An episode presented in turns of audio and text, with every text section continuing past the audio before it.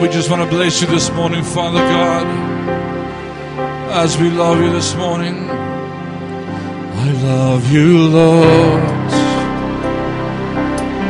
for your mercy never fails me. All of my days, I've been held in your presence from the moment I wake up till I lay my head.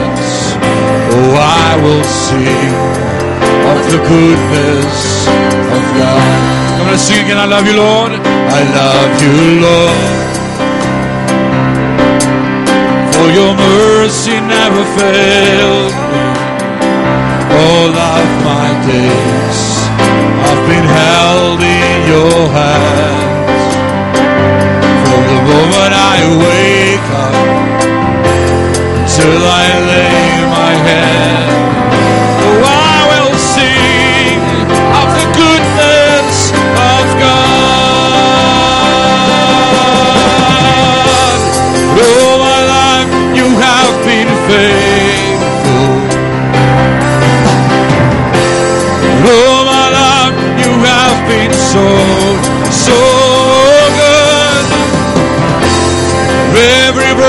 that I am able, I will sing of the goodness of God. I love your voice.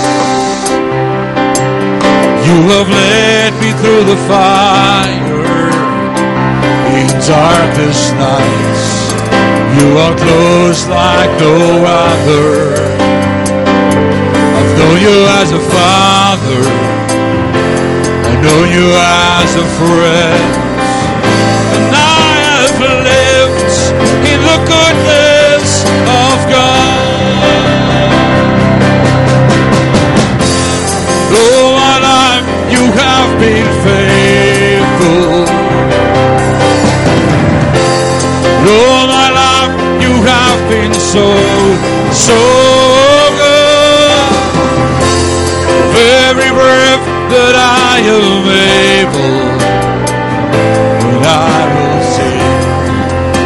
Of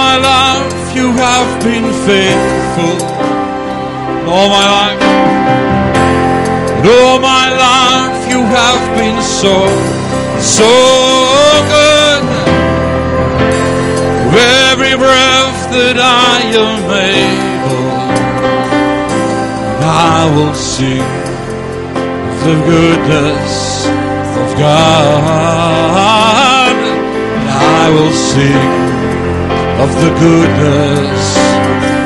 Oh, I'll sing of your goodness, and I will sing of the goodness of God. All my life you have been faithful. All my life you have been so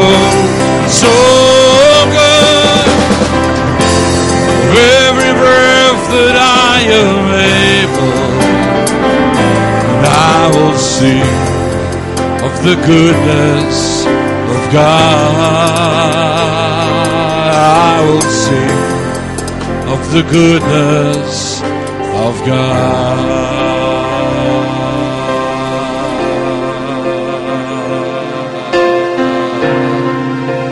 Oh, yes, I will sing of your goodness, O Lord.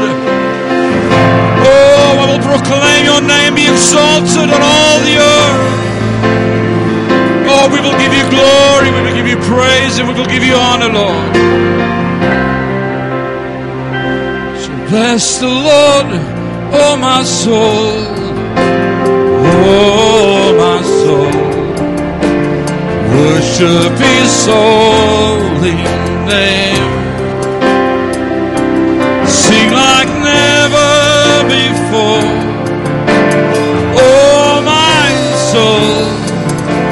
worship your holy name. Come on, sing, bless the Lord, bless the Lord, oh my soul, oh my soul. Worship His holy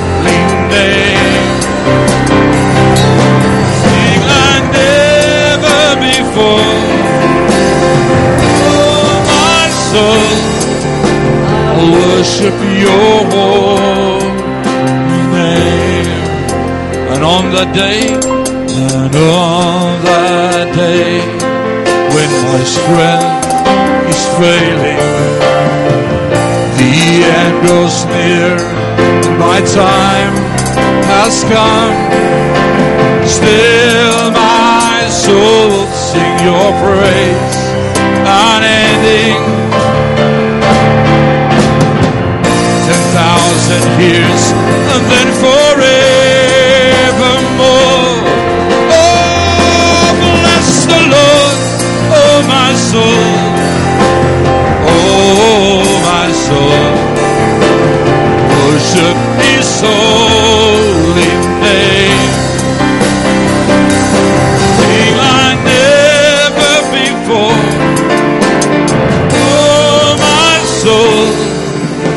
I'll worship your holy name. Come on, let's sing, bless the Lord, oh my soul. Bless the Lord. Come on, raise your voices. Oh, bless the Lord.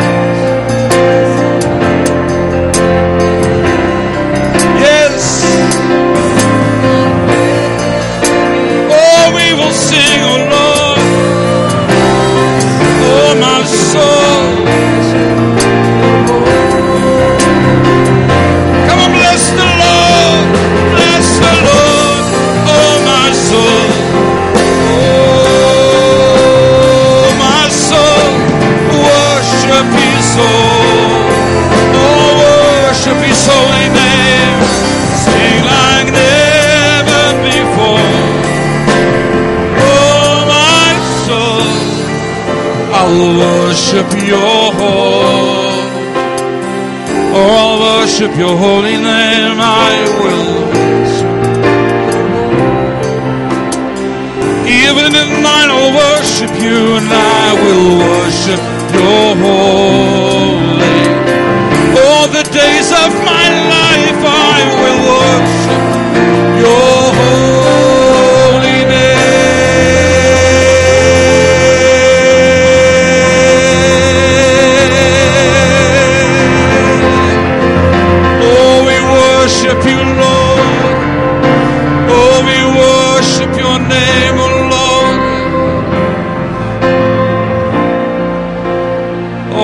worship your name all the days of my life. For you are so good. Oh, you're a good, good Father. That's who you are. This morning, we just want to love you, Father. We just want to praise your name and lift holy hands. Is 'n goeie God, Vader. Dankie dat U ons vashou in die holte van die hand. Dankie dat U met ons is al die dae van ons lewe. Dankie dat U vir ons uittrek en ons paie gelyk maak. Dankie dat al my dae opgeskryf is in U groot plan. Dankie dat daar nie een haar van my hoof afval waarvan U nie weet nie. Dankie dat ek U kan vertrou met my hele lewe. En dankie dat niks my kan skei van U liefde nie. Maar dat U ons liefhet met 'n ewige liefde. 'n Ewige liefde. Ons aanbid U vanmôre Vader. Vir daardie wonderlike wete dat U met ons is.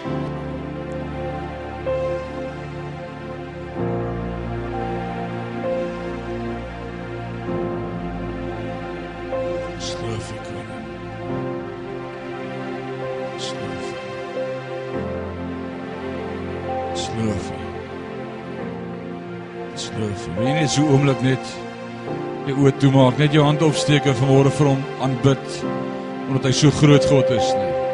Net so oomblik, sê net vir hom wat hy als vir jou gedoen het hierdie week en dat hy goed is. Dat hy voorsien het op die regte tyd. Dat hy antwoord. Dat hy weet wat jy nodig het. Dankie dat U God is. Dankie dat U vir ons sorg.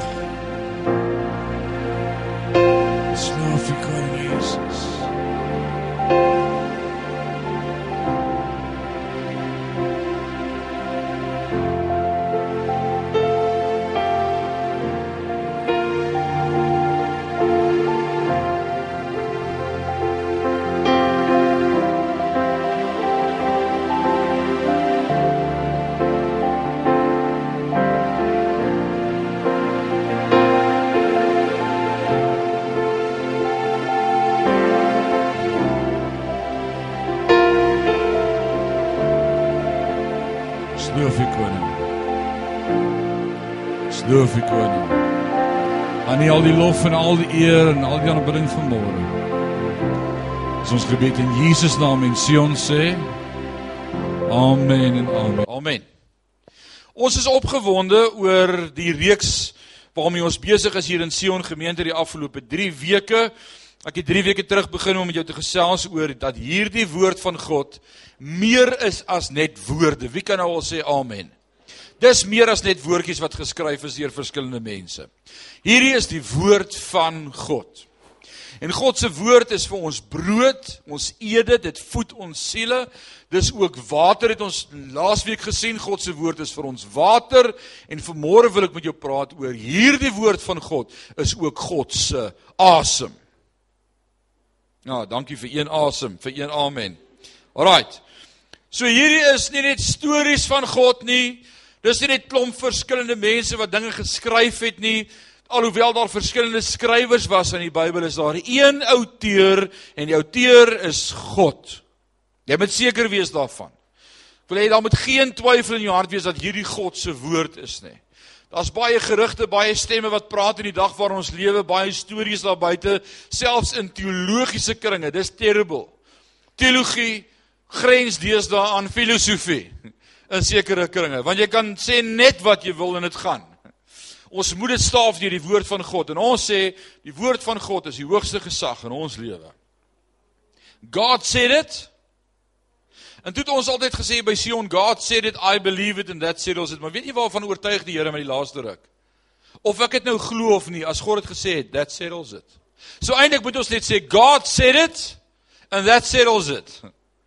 Even if I don't believe it because it's God's word. Alrite. So ek wil vanmôre verder praat met jou en wat ons laasweek gesien het so awesome was is dat Jesus Christus die rots is. Kan jy onthou 1 Korintiërs 10 vers 4? Paulus praat met die gemeente in Korinte en hy vertel van die storie van daardie Israeliete wat vir 40 jaar in die woestyn getrek het. Vir 40 jaar was daar 'n wolkkolom, 'n vuurkolom, daar was manna en daar was kwartels en hier sê hy iets wat ons laat begin dink. Hy sê daar was ook 'n rots.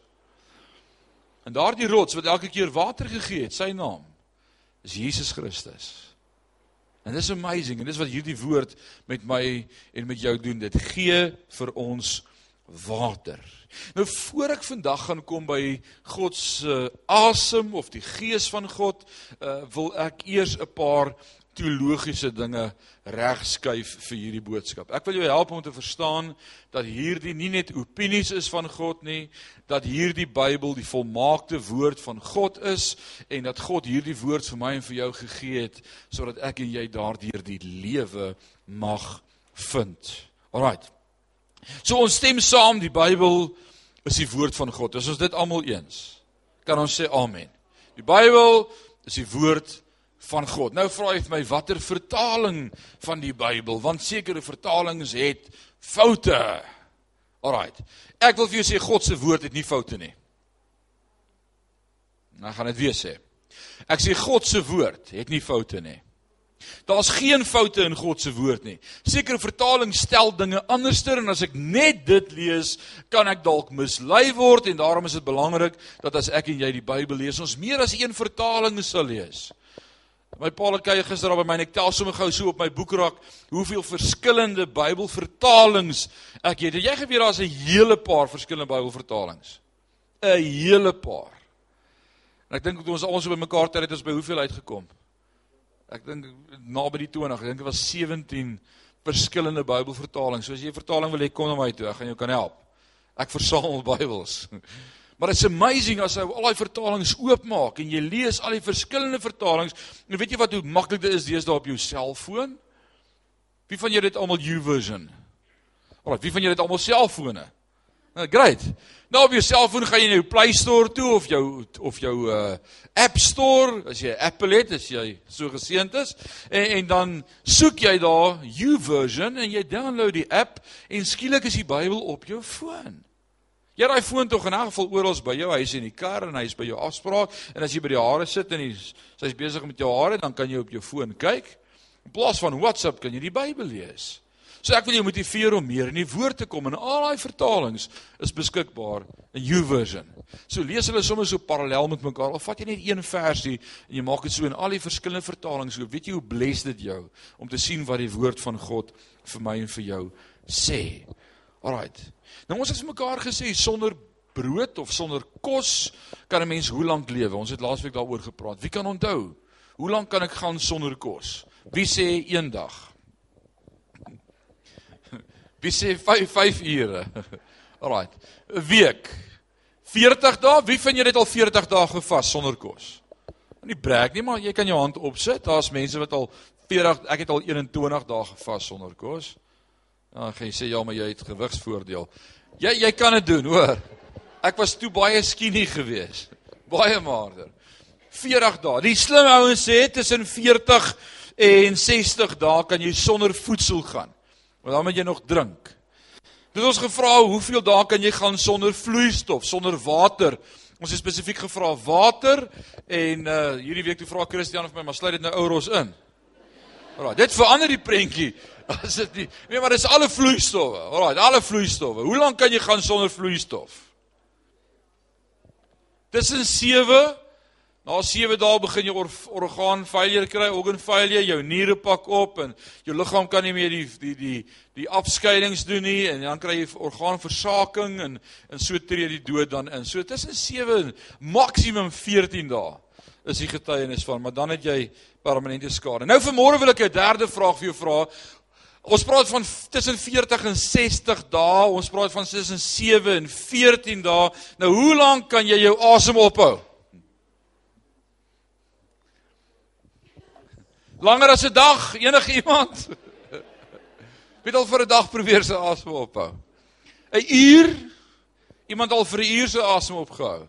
'n Halfuur? 10 minute? Wie al 7 minute sy asem opgehou? Laat ek sien. Ja, 5 minute? Wie van julle het almal 'n duiklisensie bekom? om om lekker te gaan diepsee duik of wie wie van julle is almal duikinstrukteurs of of het duiklisensies? Kan ek gou die hande sien? Daar's 'n paar ouens wat het. Hoeveel minute moet jy vir daardie kursus jou asem kan ophou onder die water? Wat jy sonder vars suurstof kan oor die weg kom in daai tyd wat jy jou gasbottel oopmaak en ruil en wie van julle weet? 3 minute. As ek reg as ek so sê. Hoeveel? 1 minuut. As jy top fiks is, sê jy kan dalk 2 2 en 'n half minute jou asem ophou onder die water. Dalk 3. Maar dan gaan jy blou in die gesig, definitief raak. So ons het asem nog meer nodig as wat ons vloeistof nodig het en ons het vloeistof nog meer nodig as wat ons kos nodig het. Alraight. So ons het kos nodig, maar ons het vloeistof nodig, maar ons het eintlik asem nodig. Sonder asem sterf ek en jy. Nou kyk wat sê 2 Timoteus 3 vers 16. Lees mooi wat staan daar. Die hele skrif sê saam met my hele skrif. Nou wat behels die hele skrif? Dink jy dis van Genesis af? Dink jy dis nie Openbaring nie? Dis net tot voor Openbaring, tot by Judas. Wie sê dit sluit die Ou en die Nuwe Testamente? Die hele skrif. Hy sê die hele skrif is deur God ingegee en is nuttig tot lering, tot weerlegging, tot teregwysing, tot onderwysing in die geregtigheid, sodat die mens van God volkome kan wees vir elke goeie werk volkome toegerus. Nou kom ek help jou gou vanmôre, wat beteken daai woord deur God ingegee? Wat beteken ingegee? Wie van julle het 'n Engelse vertaling voor jou oop? By 2 Timoteus 3. Wat staan in vers 16? God breathed. God het die woord geasem. Daai woordjie uit die Grieks uit is twee woordjies wat saamgevoeg is, theiop neistos. Wat beteken dis afgelei van die woord theos wat wat beteken God, sê God. Theos. Theology is die kennis aangaande God. Theos en pneuma wat die woordjie is vir God se gees of sy asem, sy gees word ook daarmee vergelyk. Alraait, hierdie twee woorde saam. Met ander woorde, wat sê Timoteus of wat sê Paulus hier vir Timoteus? Hy sê die woord van God is deur God geasem. Dis beautiful. Dis deur God geasem. Dit kom uit God se mond uit. Die hele inspirasie van die skrifte is geasem exhale.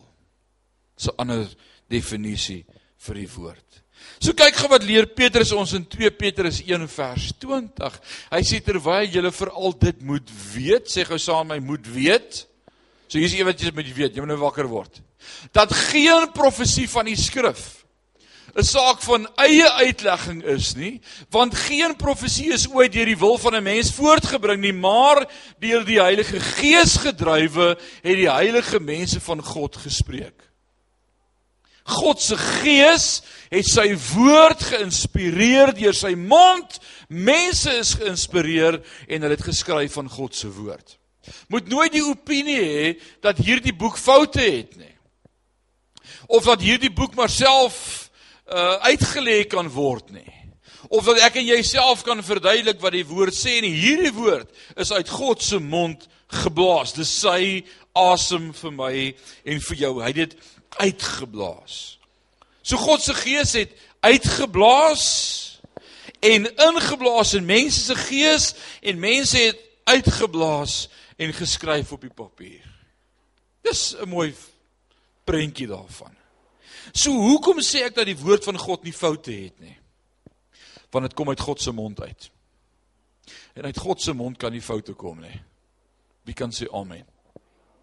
So so hier word die challenge dan nou begin vandag want daar's oënskynlike weersprekinge in die Bybel.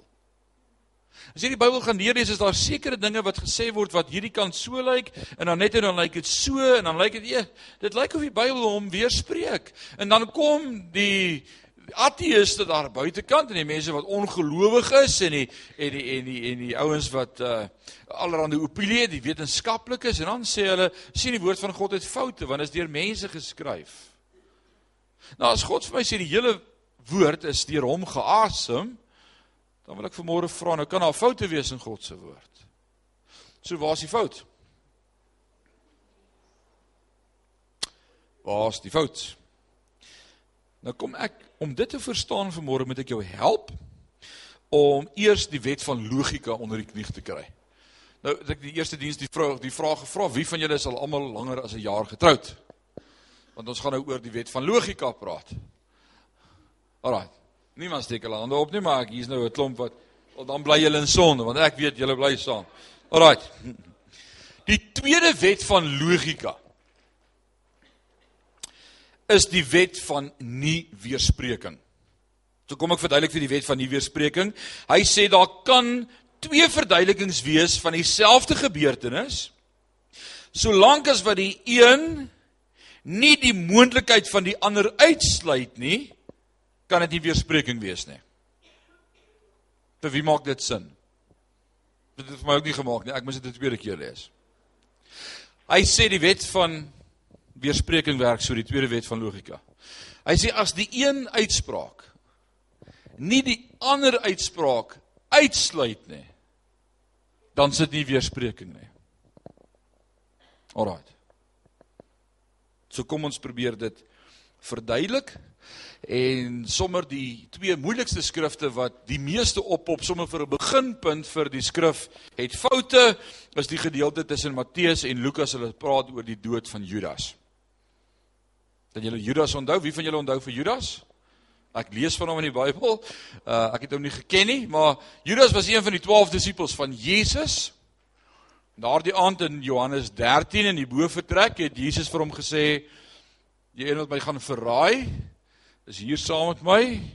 En toe sê hy: "Gaan en gaan doen dit gou." En toe spring hy op en hy hardloop en toe die ander disippels gedink hy gaan seker nog kos koop vir arme mense of iets. Hulle het nie geweet wat aangaan nie, maar hy het Jesus gaan verloon. Uh waarvoor het hy Jesus gaan verloon? 30 sikkels silwer. Alraai, 30 sikkels silwer. Dan kry hy berou in sy hart, hy besef hy het 'n fout gemaak. Dan gaan hy terug na die priesters toe in die tempel en sê hy vat julle geld terug. Ek wil dit asseblief aandoen. En dan sê hulle vir hom jammer, ons kan nie en dan gooi hy die geld op die trappe van die tempel. Die sakkie val uit, dit loop daar uit. Skrif kom in vervulling. Dan vat hierdie priesters hierdie geld. Wat doen hulle met hierdie geld? Hulle skryf dit nie terug in die kerk se rekening nie. Wat doen hulle nou daarmee? Dis bedroggeld. Hulle sê ons gaan koop 'n stuk grond hiermee. Ons gaan vir ons 'n aftreehuisie bou hier onder in die dal. Hulle koop die grond van die pottebakker. Wat vir niks anders gebruik kon word nie, onvrugbare grond. En op daardie stuk grond van die pottebakker gaan Judas en wat doen hy? Hy hang homself. Gaan pleeg selfmoord, selfdood. Nou skryf Matteus, soos Matteus skryf, dan moet ek en jy altyd die volgende onthou. Wat se werk het Matteus gedoen? Hy was 'n tollenaar, 'n tax collector. Hy het vir SARS gewerk. Alraight. Toe ek sê SARS, toe word jy wakker, dis soos SARS. Alraight. Dit gee ons almal slapelose nagte. Ek sien nou die dag so 'n cartoon waar iemand vir SARS 'n briefie skryf en sê please remove me from your mailing list. Ek wens dit was so maklik, né? Nou, hou op om vir my goed te skryf. Maar hulle weet van jou, hulle weet van almal van ons. SARS. So as Matteus na hierdie storie kyk, nou Matteus is 'n bottom line ou. As jy by jou by jou tax practitioner gaan sit of by jou uh ouditeur of jou boekhouer, dis nou daai tyd van die jaar wat jy jou inkomste en uitgawes moet verklaar en die goed moet summarize vir SARS en moet indien, jou opgawes moet op tyd wees, dan uh kyk hy deur die lys van jou uitgawes en dan vra hy vir my, "Hæ, hierdie uitgawe, was dit vir persoonlike gebruik of besigheidsgebruik?" Die bottom line, hy wil nie stories hoor en wat wat dis bottom line. So 'n belasting ou is 'n bottom line ou. So die bottom line vir Matteus van Judas is wat? Hy het homself gaan ophang. Dis die bottom line. Maak nie saak hoe en wat nie, hy het homself gaan ophang. Lukas was wat gewees? Hy was 'n GP, 'n dokter. Dokter Lukas skryf so 'n bietjie ander detail rondom hierdie gebeure en wat is Lukas se benadering as hy skryf oor die dood van Lukas? Wat ag van Lukas van Judas. Wat skryf Lukas? Wat is Lukas se verhaal? Weet julle? Hy sê sy hy het vooroor geval, sy maag het oopgebars en sy ingewand het uitgeloop. Jy het dit al gesien in die Bybel. Jy moet jou Bybel lees lees jou Bybel, bid elke dag, né, nee, jy sal groei, groei, groei. Kyk hoe lyk ek. Alraai, so jy moet jou Bybel lees en bid. Alraai. So nou lyk dit asof hier 'n oënskynlike weerspreking is. En dit gebruik ouens om te sê sien die Bybel het foute en as hy so foutjie het, dan kan daar allerlei foute wees soos Jonah en die vis en Daniel in die leeukuil. Dit was opgestopte leeu's of barbecue leeu's. Die Bybel is nie wat ons dink dit is stories en interpretasies en oorgelewer deur die volksmond en dis alles in die Bybel so daar's foute in die Bybel. En ek sê vanmôre vir jou God se Bybel het nie foute nie, hierdie is sy woord. Alraight. Hier's nie foute in nie. So hoe verduidelik ons dan aan hand van die wet van logika, die tweede wet van weerspreking? Hoe bewys ons dit vanmôre? Nou sê ek goed, as jy van die kant af kyk, Matteus skryf en hy sê het hom opgehang.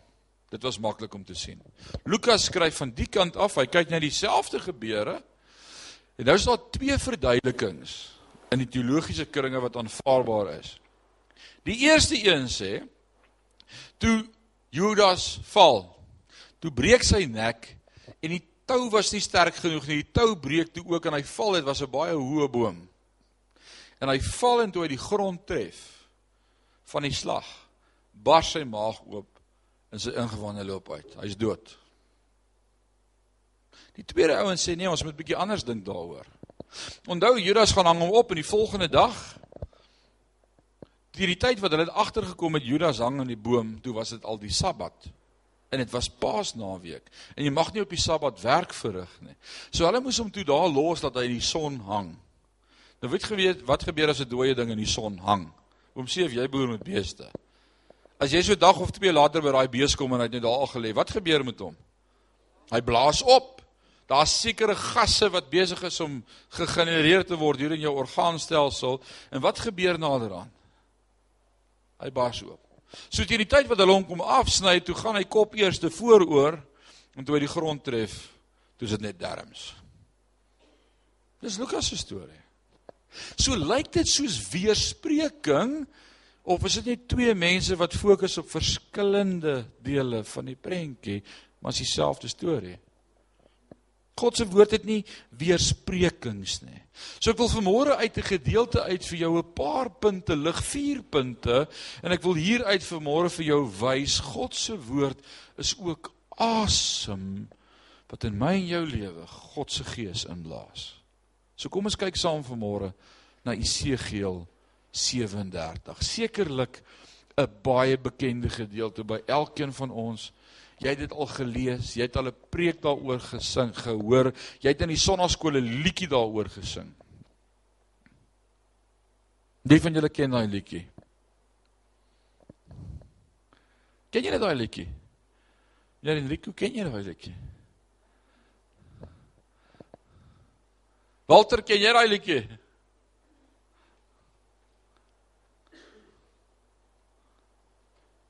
Hy sê in the hip bones connected to the Ha?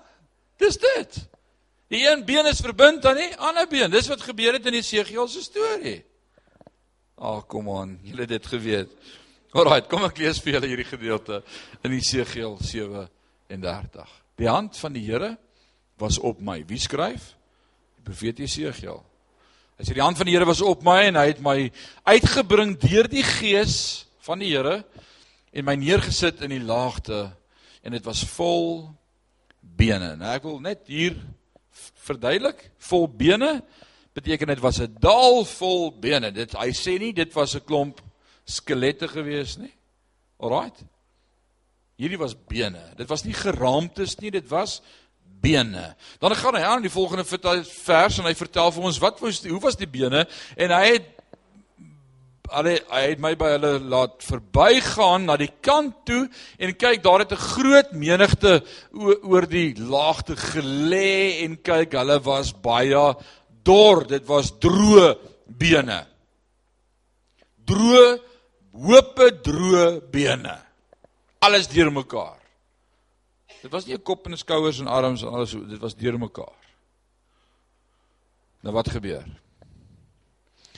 Toe sê hy vir my, mensekind, kan hierdie bene lewendig word? En ek antwoord, Here, Here, U weet dit. Daarop sê hy vir my, profeteer oor hierdie bene en sê vir hulle dorbene, hoor die woord van die Here. So spreek die Here Here tot hierdie bene. Kyk, ek bring gees in julle in sodat julle lewendig kan word. En ek sal seënings op julle lê en vlees oor julle laat opkom en 'n vel oor julle trek en gees in julle blaas sodat julle lewendig kan word en julle sal weet dat ek die Here is.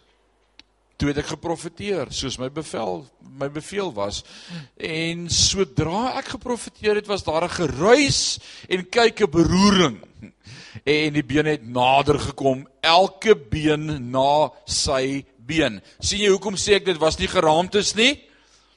Anders sou elke been mos klaar by sy been gelê het. Maar nee, hulle het na mekaar toe beweeg. Hey, waar's my linkerbeen? Hier kom hy. Hier's 'n geraas in die dal. Hy sê hier's 'n geruis, hier's hier's geluide van movement. Jy kan hoor hoe klink twee bene as hulle aan mekaar raak. Hierdie is nie my been nie, hou verby. Ja, hier is my been. Hier kom hy, al die geraamtes kom by mekaar. En kyk en en daar was seënings op hulle. En daar het vlees opgekom. En 'n vel is behoorlik getrek, maar daar was geen gees in hulle nie. Daarop sê hy vir my: Profeteer tot die gees. Profeteer, mensekind. En sê aan die gees, so spreek die Here, Here, kom aan uit die vier windstreke o gees en blaas in hierdie dooies dat hulle lewendig kan word.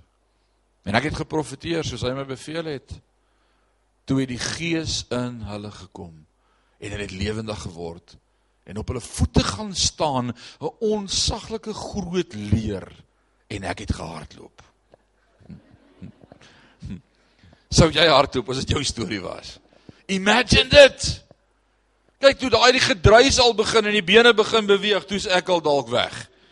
Nou hy staan daar tot die einde. Hy vertel vir ons hierdie hele storie hoe God hierdie lewe bring in hierdie bene. Nou vanmôre wil ek 4 punte hier uithaal. En die eerste een wil ek sê die asem van God bring begrip. Jy begrip in jou lewe nodig? Verstaan jy dalk nie wat aangaan in jou lewe nie? Hoor wat sê daardie gedeelte in vers 3. Toe sê hy vir my: Mensekind, kan nie hierdie bene lewendig word? En ek antwoord: Here, Here, U weet dit. As jy dink dat jy self kan lees in die Bybel en die Bybel kan verduidelik en die Bybel verstaan en alles weet wat in die Bybel geskryf is, dan wil ek vanmôre vir jou sê ek voel jammer vir jou.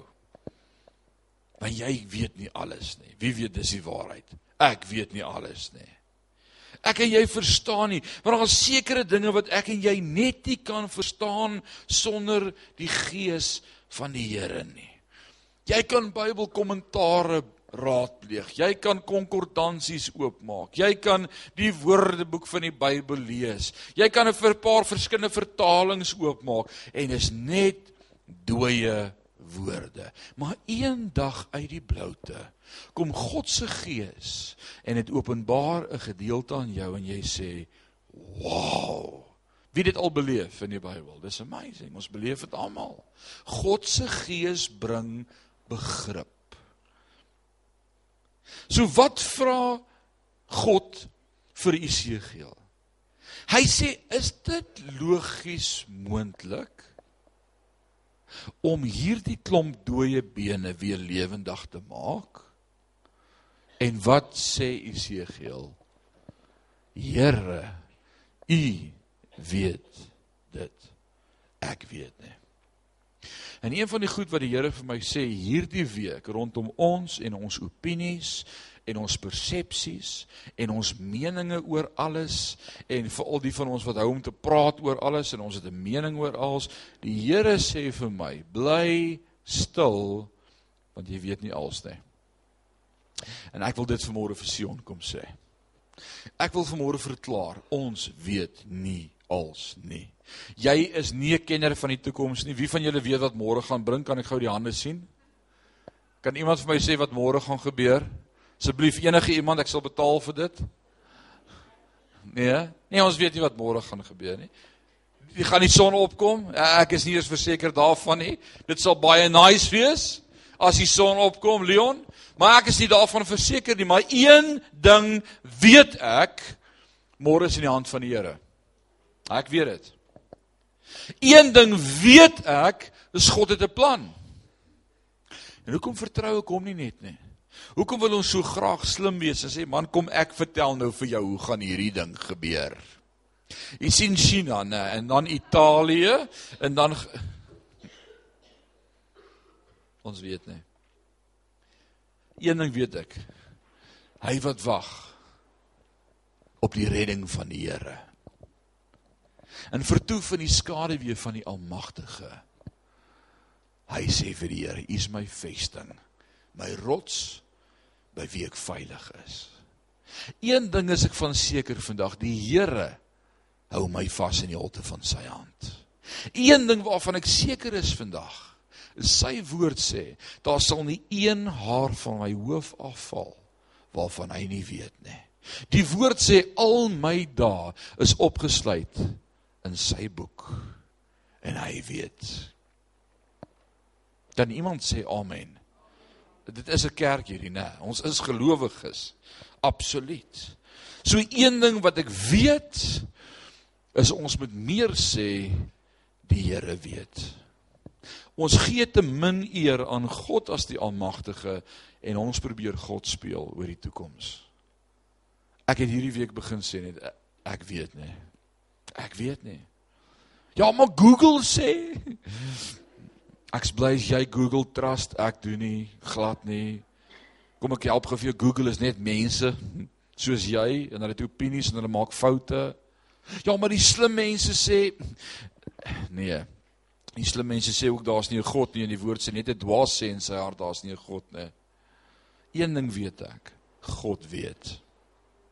En dink jy God weet van wat nou gebeur? Of dink jy die Here sit met alle respek daar bo in die hemel en sê o, liewe genade, nou het ons 'n probleem. Hoe gaan ons dit regmaak? Ek het dit nie gesien kom nie. Nee, nie vir een oomblik glo ek dit nie. God is mos in beheer. Hy het 'n plan. Alles werk mee ten goeie, sê Paulus aan die gemeente in Romeine in Romeine 8. Alles werk mee ten goeie. Een ding weet ek, niks kan my skei van sy liefde nie. En, en Paulus leer vir my so mooi in Filippense 1 as hy skryf vir my is Christus die lewe en om te sterwe 'n wins. Alraai, ek gaan glad nie oor corona praat vanmôre nie, maar kom ek kry dit van my hart af en dan se klaar. Al wat ek weet is God is in beheer. Alraai, dis dis al wat ek oor seker is. Hier kom God en hy vra vir Esegiel, Esegiel, gee my gou jou opinie. Esegiel kom gesê ek gaan net gou Google. Ek gaan net gou 'n vriend bel. Ek gaan net gou hoor wat is die algemene gevoel daar buite rondom die vermoë van bene om weer te kan lewe. En hy kon met 'n statistiek na die Here toe gekom het en gesê Here, ek wil nie baie slim klink nie, maar jy weet ek leef daarin al soveel jaar en ek het al 'n paar goed gesien doodgaan en na my beskeie opinie as 'n ding dood is as hy dood. Maar hy sou die wonderwerk gemis het want hy weet God toets hom. So hy weet ek daar's goed wat ek nie weet nie en ek wil vir jou sê daar's goed wat jy nie weet nie. Jy dink jy weet, maar jy weet nie. Ek weet jy weet nie. Want ek weet ook nie. Maar een ding weet ek, God weet. En as hy vir Esegiel vra, Esegiel sê gou vir my, wat dink jy? Gaan hierdie bene weer kan lewe? Dan besef hy, daar's goed wat ek nie weet nie en ek kan dit nooit vergelyk uit wetenskap of uit kennis of uit geskiedenis nie. En hy sê, Here, Vertel my, maar u weet. Wat wil u vir my leer? En ek wil sê dit moet my en jou gesindheid wees, ook deur hierdie toets waardeur ons wêreldekonomie gaan op hierdie oomblik om te sê Here, wat die dag van môre gaan bring, weet ek nie, maar een ding weet ek. U weet. Oh, en daarom kan ek rustig wees en geen gees van vreesagtigheid hê nie, want u is met my. U stok en u staf beskerm my. Wow. Dit maak nog 'n verskil, né? Moenie probeer om die virus te veg nie. Dis God se virus. Alraight. God is in beheer van alles. En as jy dit glo, maak dit jou vry. Dis awesome om dit te kan glo. As ek vanmôre by jou sou kom en sê verduidelik gou vir my, dink jy mense kan op water loop? Hoe maar men dit jou probeer op water loop? Jy probeer op water loop. Is dit moontlik? Is dit moontlik om op water te loop? MC wat sê jy pastoor?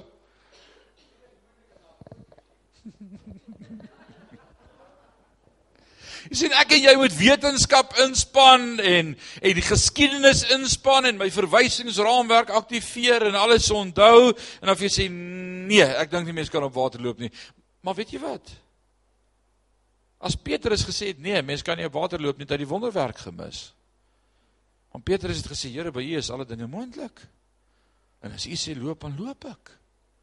So kan mense water loop. Die Here weet. Dis in God se hand. Ons moenie goed begin beskryf uit wetenskap en uit geskiedenis uit nie. Die Here weet en by God is alle dinge moontlik. Hoor wat sê Job 32. Job 32 vers 8. Maar dit is die gees in die mens en die asem van die Almagtige wat hulle verstandig maak. Wow. Waar kom verstand vandaan? Die asem van die Almagtige. So as die asem van die Almagtige verstand gee, hoekom asem jy dit nie in nie? Hoekom asem ons dit nie in nie? Hoeveel keer die tyd het jy gesê ek verstaan net nie? Kom aan, wees eerlik gou vanmôre. Steek gou die hande op.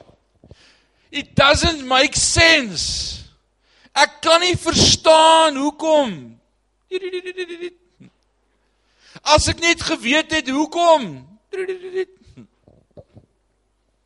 Jy kan weet as jy God se woord vat. Verstaan want dan gaan jy deur 'n droë tyd in jou lewe, deur 'n seisoen waar jy getoets word en jy maak die woord van God oop en Jakobus 1 vers 2 sê vir jou: "Ag, dit louter vreugde as jy deur moeilike dinge gaan, man." Want weet dat God leidsaamheid toets en jou leidsaamheid moet groei sodat jy volmaak sonder gebrek en niks tekort sal kom nie. Just hang in there. Dan sê jy: "O nee, nou verstaan ek waar jy gaan. Ek gaan deur 'n toets." En ek is net rustig want God is met my. OK Here, ek verstaan. Jy sien ons raadpleeg te min God se gees en God se woord om met ons te praat sodat ek en jy sal weet. Hoor wat sê 1 Petrus 3 vers 7. Hier's 'n awesome woord vir al die mans. Alraight. Net so moet julle manne verstandig met hulle, dis nou die vroue, hulle. Ek dink nie Petrus was baie gelukkig getroud nie, ek weet nie met hulle. Die manne en hulle. Net so moet julle manne verstandig met hulle saamleef en aan die vroulike geslag. Alraai, so so kom ons stop net daar. Ek wil gou vra watter man verstaan vrouens? Kan ek gou die hande sien vanmôre? Alle mans wat vrouens verstaan, steek gou die hand op. Ag nee, kom aan. Ek het 'n spesiale prys vir jou vanmôre as jy Right. Verstaan jy vrouens? Hulle is onverstaanbaar. Dis al wat hy verstaan. Alraight. Ek stem nogal saam met jou. Ek dink is moeilik om wie van julle verstaan vrouens? Is die enige iemand wat vrouens verstaan? Net vrouens steek hulle hande op. Ek verstaan dit ook nie. Ek praat met die mans, vrouens steek hulle hande op. Ek verstaan dit nie. Alraight. sien jy, dis onmoontlik om vrouens te verstaan. Ek dink nie hulle verstaan self nie. Maar een ding weet ek, die Bybel sê, Ons moet verstandig met hulle saamlewe. Nou as ons hulle nie verstaan nie, hoe kan ons verstandig met hulle saamlewe?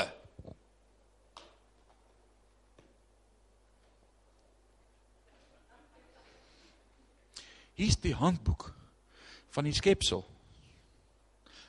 Read dit.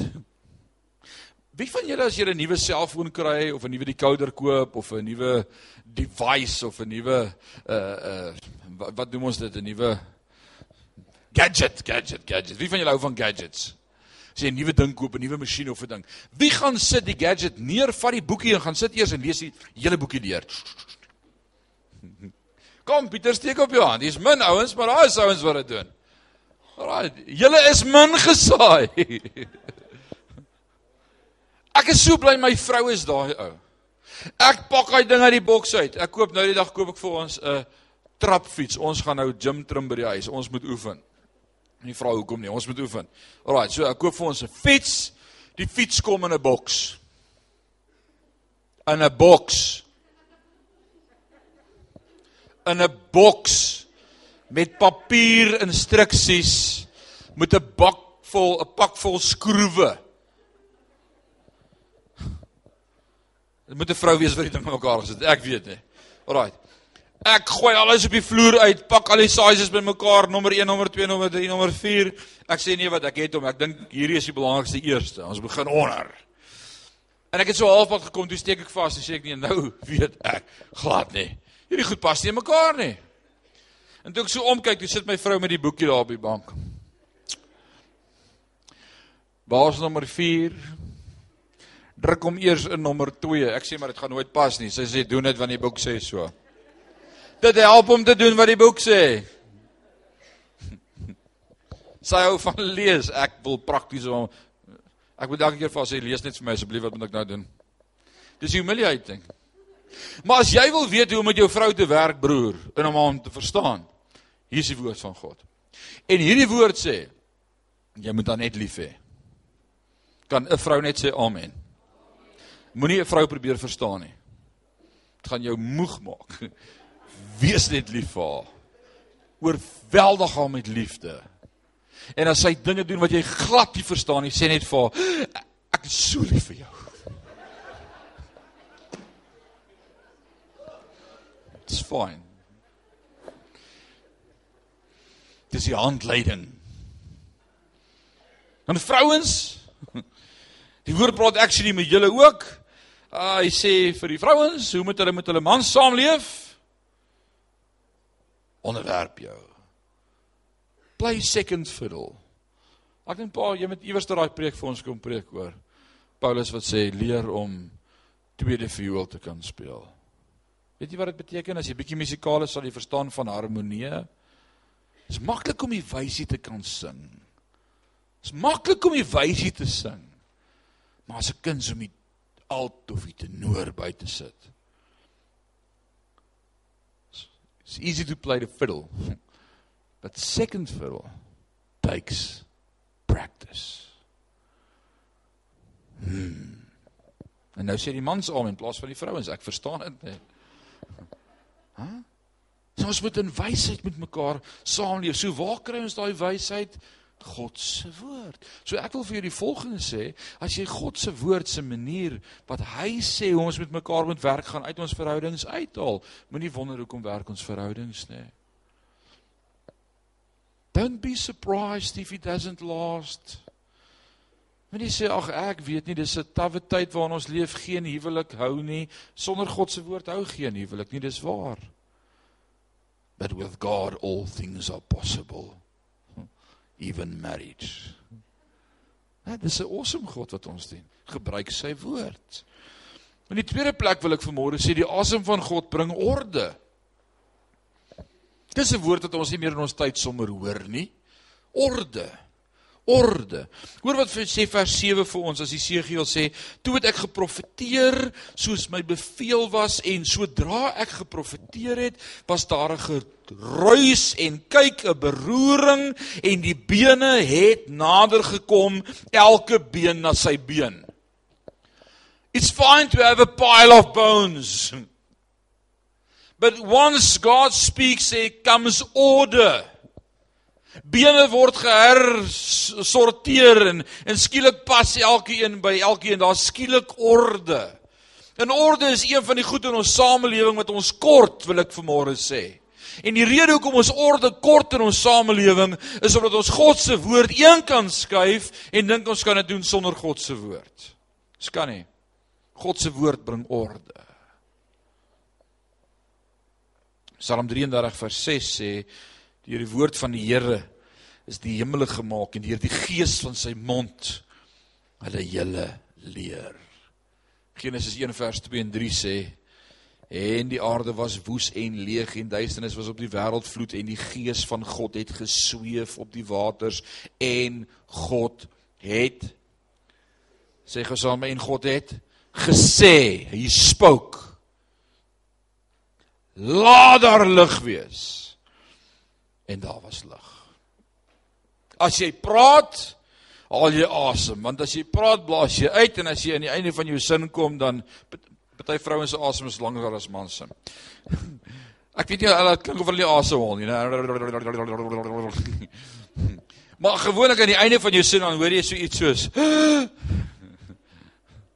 Dan dan moet asem wees. God haal asem, maar elke keer as hy praat, kom daar ook orde in ons chaos. In die derde plek vanmôre wil ek sê die asem van God bring sterkte.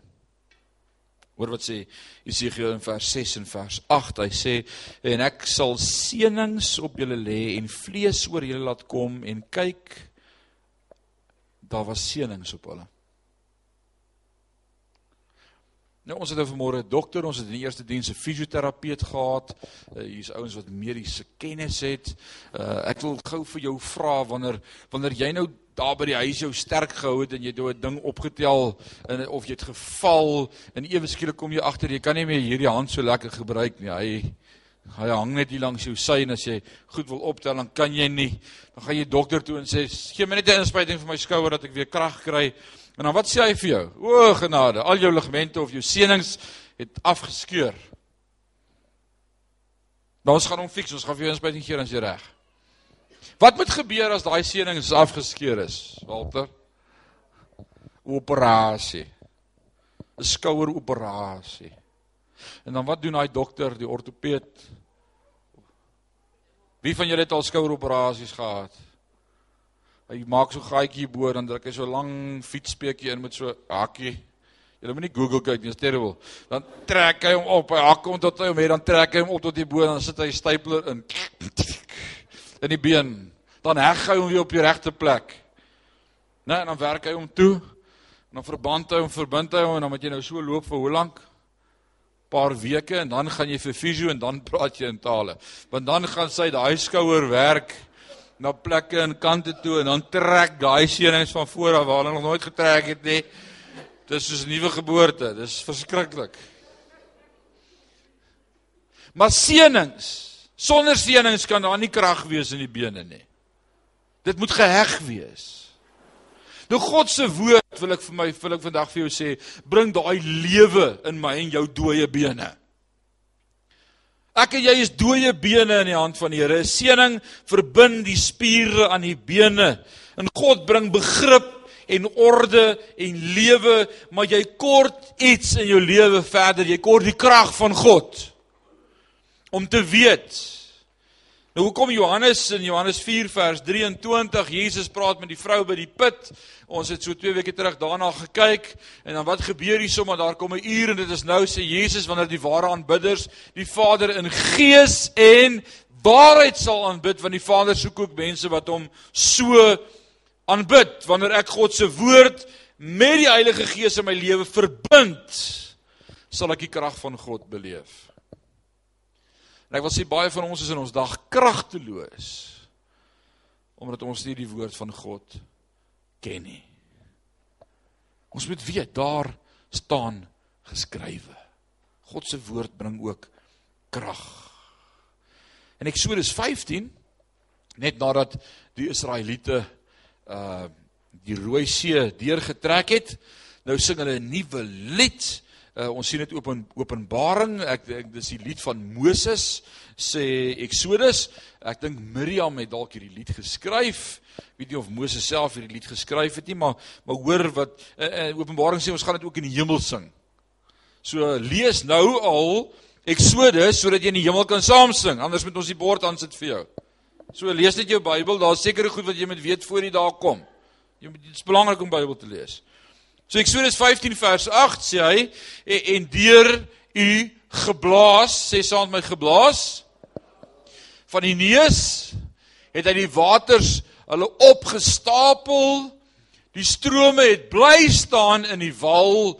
Die watervloed het styf geword in die hart van die see Die vyand het gesê ek sal agtervolg, ek sal inhaal, ek sal byt verdeel, uh, my begeerte word versadig, uh, ek sal die swaard trek in my hand sal uitroei, maar maar eet u asem geblaas en die see het hulle oordek soos lood het hulle gesink in die geweldige waters. Hoe kloof God die see?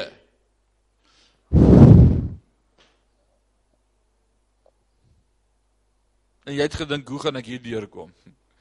Ons vergeet hoe groot is God agter ons. Een professor in die filosofie klas op universiteit het vir 6 maande van die jaar al hierdie arme student wat 'n gelowige is en uitgesproke is oor sy godsdiens so getempteer elke moontlike les op elke manier het hy vir hom probeer vertel daar is nie 'n God nie, daar is nie geloof nie, jy het nie 'n God nie, jy is nie seker nie.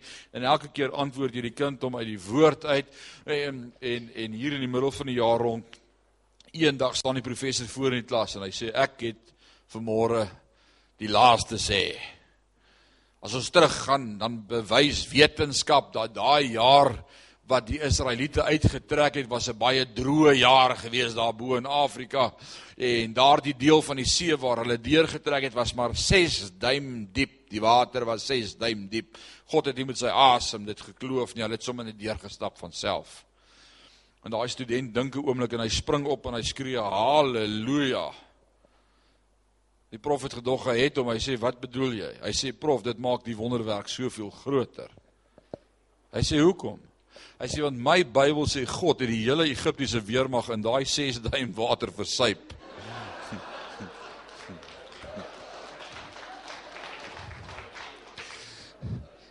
Hoe meer stemme en hoe meer woorde daar buite teen God se woord gepraat word, wil ek vir jou sê, hoe meer is God se woord 'n wonderwerk.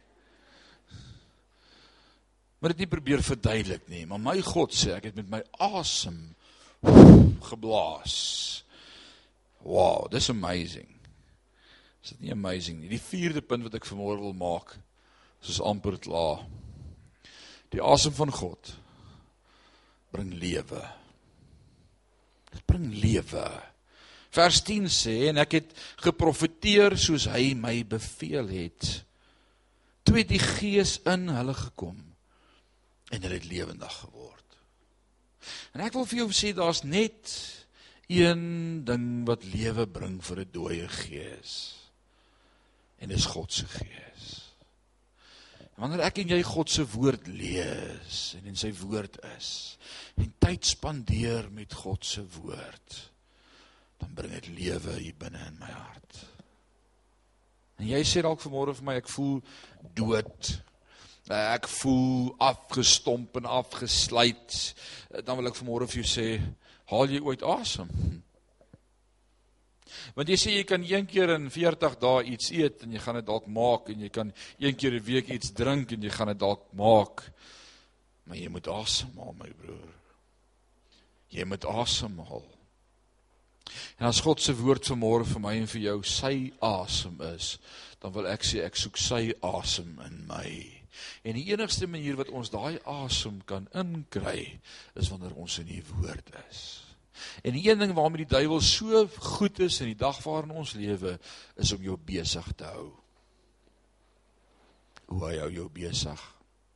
Ooh, vandag was so besige dag. Wat het jy gedoen? Uh Waar sal ons nou begin? Dis omdat jy nie dissipline in jou lewe het nie. En God se woord bring sommer daai orde ook. Dis tyd dat God se woord terugkom in ons lewe as gesag. Ons leef in 'n tyd waar ons in ons skole sê ons kort dissipline. Ons lewe met 'n generasie wat hulle steur aan niemand en niks en geen reëls nie en hulle doen wat hulle wil. Ons leef met terrible tye. Kyk wat dun kinders en dwelms en al die goed waaraan hulle blootgestel word. Ons ken nie vandag se generasie nie. Ek wil vir jou sê ons het God se woord uit die skool uitgehaal. Hoe kan ons verwag daar moet orde wees en reëls wees en ons moet God terugsit. Waarmee sal 'n jongeling sy pad suiwer hou? deur dit te hou na u woord. En ons as ouers, ek wil vandag met die ouers praat en die grootouers. Ons moet hierdie woord terugsit in ons kinders se lewe. Huisgodsdiens moet weer 'n tyd van die dag word. Nie wat ons net sit in teologie ruil nie, maar wanneer ons hier brood van die lewe oopmaak en sê kom ons haal net bietjie asem. Ons gaan 'n besondere tyd in. Nie een van ons weet wat die dag van môre gaan bring nie. Ons kan Google lees en ons kan sien wat gebeur in Italië en hulle is onder huisarrest en ons hoor wat praat Trump in Amerika en ons sien wat gebeur in China en ek moet vir jou sê moet ook nie alles glo wat jy sien nie. Ekskuus, ek wil dit weer sê. Moenie alles glo wat jy sien nie. Maar een ding weet ek. Hy sal my nooit begewe en my nooit verlaat nie. Hy gaan my nooit los nie. En hoe lank ons nog so gaan by mekaar kom op 'n Sondag in kerk hou, amazing, dis great, ons moet, ons is die onderlinge byeenkoms van die heiliges.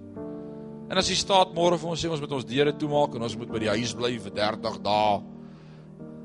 Rarig. Gaan dit die Here onkant vang? Nee, hy het geweet alles.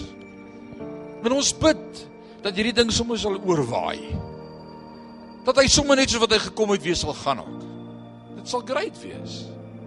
Awesome. Maar een ding weet ek. God weet. God weet. En die woord sê ken hom in al jou weë. Alles, alles wat jy besluit. En dalk moet jy vandag opnuut kom en sê Here, ek wil net vandag opnuut u hand op my lewe ervaar. Ek wil vandag my hand nuut in u hand sit en sê Here, hou my vas. Ek bid dat hierdie virus wêreldwyd 'n herlewing sal losbreek, dat die wêreld na God sal roep en na God sal skree en sal sê Here, help my. Mag God ook hierdie virus gebruik om kerke weer vol te kry. Dit sal amazing wees dat ouens by God sal uitkom want alles werk mee ten goed. God het 'n plan met alles. Maar kom ons hou ons ore oop en ons hoor wat sê God se woord. Ek glo die wêreld gaan na die kerk draai vir 'n dawar woord, vir 'n nou woord, vir 'n rema woord, vir inspraak en sê help ons, wat moet ons doen? Mag die kerk dan die antwoord hê want ons ken die een wat die storms nie net maak nie, maar ook stil maak. Sy naam is Jesus. En deel dit met jou buurman. As daar vrees in hulle harte kom, hulle sê, "Woe." En die ouens in Australië stuur vir my foto's van die leë rakke, daar's nie meer toiletpapier. Ja, dit moeilikheid, hoor. Sê ons nie angstig raak nie. Groter is hy wat in my is as hy wat in die wêreld is. En ek sal op die Here vertrou. Hy is my God. Mag God se gees vir my en vir jou lewe bring. Hoor wat sê Job in Job 33 vers 4. Hy sê die gees van God my geskape en die asem van die Almagtige maak my lewend. Is jy al lewend? Jy het môre nodig dat God sy gees opnuut in jou blaas. Ek gaan vanmôre vir jou bid. Oor wat sê Genesis 1 vers 7, hiermee besluit ek af. God het hoe die uitspansel gemaak en die waters en onder die uitspansel is geskei van die waters bo die uitspansel en dit was so. God bring orde, lewe, krag, hoop. God se gees vanmôre in ons lewe. Ek wil vanmôre saam met jou bid. Kom ons sluit ons oor. Kom ons sluit ons oor. As jy vanmôre sê ek het opnuut 'n aanraking van die Here nodig. Ek is droog, ek is dor, ek ek hoor nie sy stem nie, ek connect nie met hom nie, ek beleef hom nie. Hy voel ver, ek is dalk onseker. Dalk is jy vanmôre selfs bang. Die woord van die Here sê ek het jou nie gees van vreesagtigheid gegee nie, maar van liefde, krag en selfbeheersing. Dan wil ek vanmôre 'n woord van lewe in jou siel inspreek en ek wil vanmôre bid dat die Here met jou sal connect en dat jy sy woord sal oopmaak en hy met jou sal praat. Dalk sê ek het vanmôre rigting nodig. Ek het besluit om te neem en ek weet nie wat om te besluit nie. Mag God deur sy woord vir jou rigting gee. Dalk sê ek het vanmôre net God se vrede nodig. Mag God se woord vir jou vrede bring.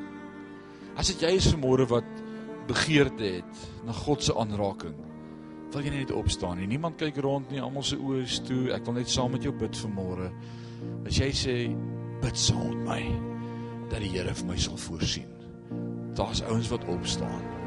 Daar's ouens wat opstaan. Ek wil vanmôre saam met jou bid dat die Here vir jou gaan ontmoet net daar waar jy is met sy woord. Met sy woord. Met sy woord. Vader, ek wil vanmôre bid saam met elkeen wat staan. Daar is soveel wat vanmôre staan wat wat sê ons het u vrede en u wysheid en u inspraak en die en die kalmte en die rustigheid en die orde nodig in ons lewe. Ons kan nie sonder U nie, Vader. Dit voel of ons op 'n droë plek gekom het soos wat daardie bene in daardie doodsdal gelê het, dor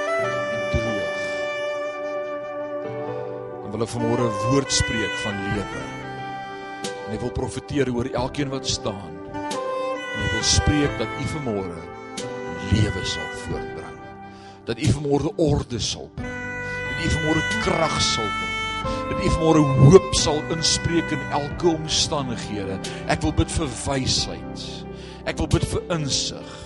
Ek wil bid Vader dat U in elkeen se lewe U self sal openbaar want U is ons rigtinggewer. U woord en U gees praat met ons. En ons bly vanmôre ons het U so nodig, elkeen van ons. Ek wil bid Here dat in hierdie dag U woord sal oopbreek. Daar waar daar uh, onsekerheid is, dat U sal rigting gee. Daar waar daar kragteloosheid is, dat U deur die Gees ons sal bekrag. Daar waar wanorde is, dat U sal orde skep, Here. Dat U ons nuut sal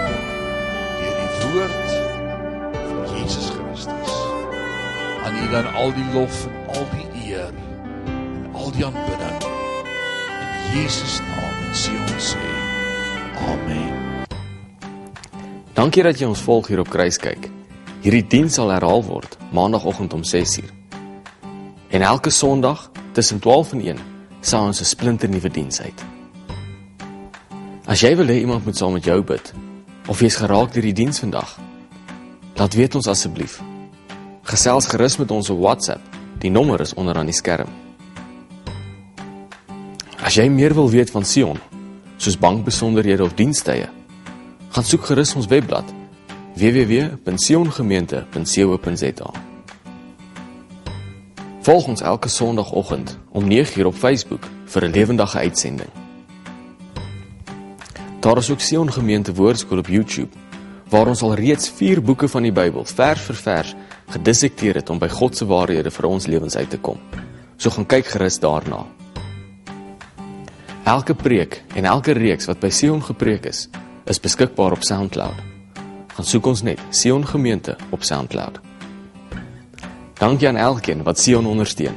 Mag die Here jou seën.